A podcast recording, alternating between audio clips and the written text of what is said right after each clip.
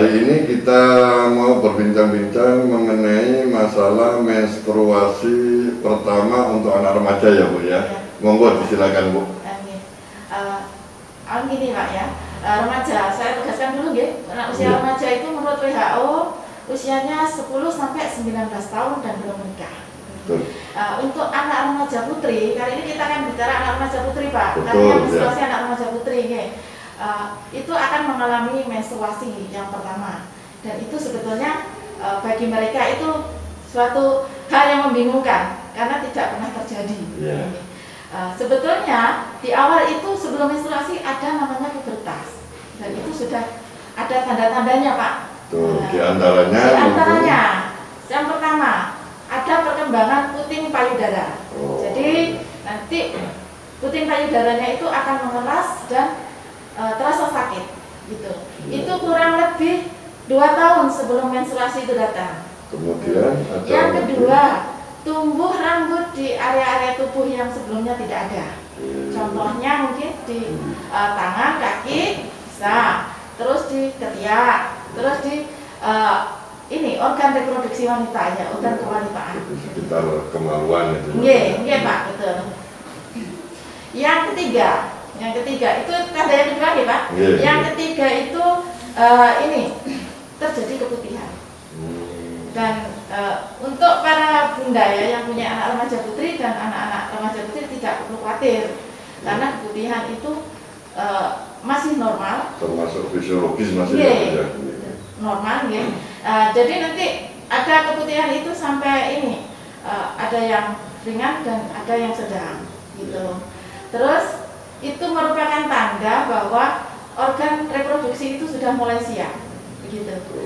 Hormon estrogennya sudah mulai berkembang. Berkembang. Jadi bekerja maksimal Bekerja maksimal untuk eh, datang menstruasi itu. Jaraknya sekitar ini ya, 6 bulan sampai satu tahun sebelum menstruasi datang. Iya. Jadi itu sudah mungkin bunda bisa mendampingi anak-anaknya yang remaja putri untuk mempersiapkan.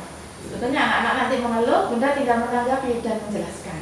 Eh, misalkan nanti bunda canggung mau menjelaskan, bisa anak-anak remaja putrinya eh, diajak ke puskesmas untuk berkonsultasi dengan petugas kesehatan. Jadi Puskesmas Sumberwengen ini membuka konseling untuk anak remaja juga. Betul ya? Pak, itu sudah lama sebetulnya ya, namanya klinik PKPR. Nah, jadi ini perlu diketahui oleh masyarakat bahwa Puskesmas Sumberwengen ini membuka konseling. Jadi Iya. nggak usah malu-malu. Nggak usah malu-malu, jadi kalau datang ke puskesmas tidak harus sakit, gitu ya. Kemudian Bu, kalau sudah terjadi menstruasi, apa yang harus dilakukan oleh seorang remaja putri? Ah, gitu Pak. Ah, kalau terjadi menstruasi itu kan menstruasi itu sebetulnya normal dialami oleh seorang wanita untuk menuju dewasa Pak. Semua wanita mengalami gitu. Ah, jadi itu kan terjadi keluarnya darah, keluar darah lewat organ kemaluan gitu. Kalau terjadi keluarnya darah berarti butuh pembalut Iya. untuk menampung. Ya.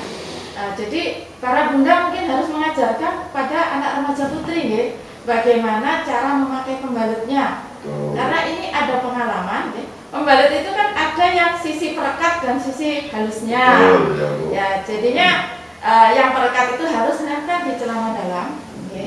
posisinya harus pas betul biar nyaman dipakainya, begitu. Eh, ada pengalaman ini makainya kebalik gitu dan sangat menyakitkan itu pak, gitu ya. Oh iya, kan jadinya kan ada perekat ya, perekatnya Iya. nempel ke kulitnya itu Oke, ya. itu tidak tahu buru-buru atau memang ketidaktahuan Iya, gitu. jadi ini yang sangat harus diketahui oleh remaja putri ya. Remaja putri. Untuk selanjutnya Bu, Untuk selanjutnya eh, pemakaian pembalut itu harus sering berganti pak. Karena menstruasi itu kan eh, ada yang tiga hari, Oke, satu sampai tujuh hari begitu pak. Minimalnya tiga hari, Ya. itu lamanya kan, dan itu berulang setiap bulan. Eh, jadi pembalutnya itu harus sering berganti. Kalau Ah. di awal-awal menstruasi, Ya. mungkin kan darah yang keluar sedikit, mungkin tidak perlu sampai eh, sering gitu nggih. Tapi Ya. kalau sudah hari ketiga, keempat dan kelima itu pas banyak-banyaknya itu keluar tidak ada batasan tuh. Maksudnya itu kalau seperti minum obat itu kan sehari tiga kali, Oh, apa itu iya, enggak ya Bu? Ada, ada Pak. Eh, pergantian itu 3 sampai 4 jam Pak. Iya. Jadi kalau adik-adik remaja putri eh, mungkin ada siklusnya begini ya. Waktu ganti pembalutnya nanti menyesuaikan dengan menstruasinya kan. Tuh. Nah, jadi sepulang sekolah, tuh, Ya, sehabis mandi sore, ya, nggih. Eh, sebelum makan malam, ya. nggih. terus sebelum tidur, nggih. setelah mandi pagi, sewaktu di sekolah. Nah, Jadi di tengah-tengah sekolah itu seharusnya ganti Bu ya? ganti pak. Soalnya gini, kalau sudah banyak-banyaknya darah yang keluar itu akhirnya akan timbul ini luapan begitu ya Iya. bisa tembus nanti itu kalau anak-anak remaja putri itu ya jadi sebaiknya eh, mungkin adik-adik remaja putri dan bunda menyiapkan mungkin nanti Oh. diingatkan anaknya di sekolah harus Iya. membawa dibekali dengan pembalut dan harus mungkin ada kertas yang untuk membungkus Iya. eh, kresek mungkin ya yang berwarna jadinya nanti kan dibawa pulang pak karena Oh. membalut itu kan juga tidak boleh dibuang sembarangan pak Iya, betul, betul. Oke. harus mungkin ditutup di, di- dibungkus ditaruh di plastik nanti dikondisikanlah pembuangannya apa di tempat sampah atau mungkin dibakar karena kalau ditimbun pun itu akan mencemari nanti tidak tidak bisa eh, ini pembusuk Oh iya iya.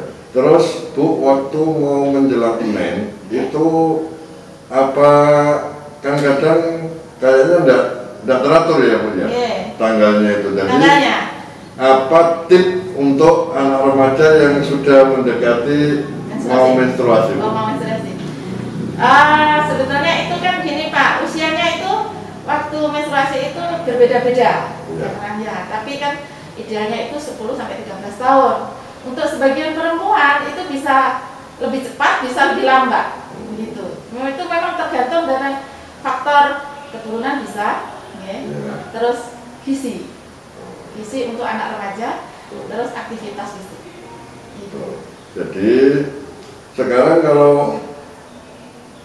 anak itu istilahnya menstruasi, Iya. mengurangkan keluar darah ya Bu ya. betul. Nah, terus kemudian ada sesuatukah untuk mengembalikan kondisi karena darah itu kan keluar Bu, Iya. sehingga biar kembali lagi seperti semula ya. Iya. Gitu. Eh, betul untuk adik-adik remaja putri ya selain faktor gizi gizi itu yang mengandung Fe sebetulnya begitu pak ya itu terdapat banyak di sayur-sayuran nanti mungkin petugas gizi yang bisa menjelaskan lebih detail pak ya Iya. untuk masalah itu Eh, selain itu juga harus minum tablet tambah darah pak nih kalau program untuk anak remaja itu satu minggu satu kali minumnya. Satu minggu satu satu, minggu satu, kali. tablet. satu tablet. Oh, iya. satu kali satu tablet. Dan itu ada program dari pemerintah. Semua di, sudah disampaikan ke anak-anak remaja yang utamanya di sekolah dan di pondok pesantren. Dan untuk minum tablet darah itu saya dengar-dengar tidak diminum begitu saja, maksudnya itu harus disertai dengan apa supaya bisa terserap oleh oh tubuh itu. Bu. iya iya pak. Eh, memang eh, sebagian besar ada efeknya. Sebetulnya tidak ada efek samping asal minumnya betul. Sebelum minum tablet tambah darah harus makan dulu. Itu yang pertama oke. Terus untuk makanan dan minuman yang eh, bisa eh, mempercepat penyerapannya ya pak ya. Iya. Nah, itu minumnya. Kalau memang tidak ada yang anu lebih baik air putih untuk minum ya Iya. untuk mempercepat air jeruk Hmm, Jadi, ada. kalau untuk yang menghambat, menghambat penyerapan itu kopi, kayak teh itu malah menghambat. Hmm. Jadi ini perlu pesan kepada anak-anak remaja kalau minum tablet tambah darah itu harus disertai dengan vitamin C, maksudnya seperti jeruk dan sebagainya. Ini. Mungkin Bu Suratin ada pesan-pesan untuk anak remaja? Eh, mungkin untuk adik-adik remaja putri dan para bunda, kalau menghadapi anak perempuannya mau menstruasi tidak perlu resah, gelisah, ataupun adik-adik juga stres ya karena itu merupakan acara alamiah ya sebetulnya hal yang normal terjadi pada semua wanita. Jadi Eh, lebih baik ibu kalau bisa menjelaskan dijelaskan. Kalau memang butuh bantuan dari petugas kesehatan silakan datang ke puskesmas sumber dingin untuk sekedar berkonsultasi. Harapan kita nanti pak ya remaja kita sehat. Karena remaja akan menjadi seorang ibu yang sehat nantinya akan melahirkan anak-anak sebagai generasi yang sehat pula.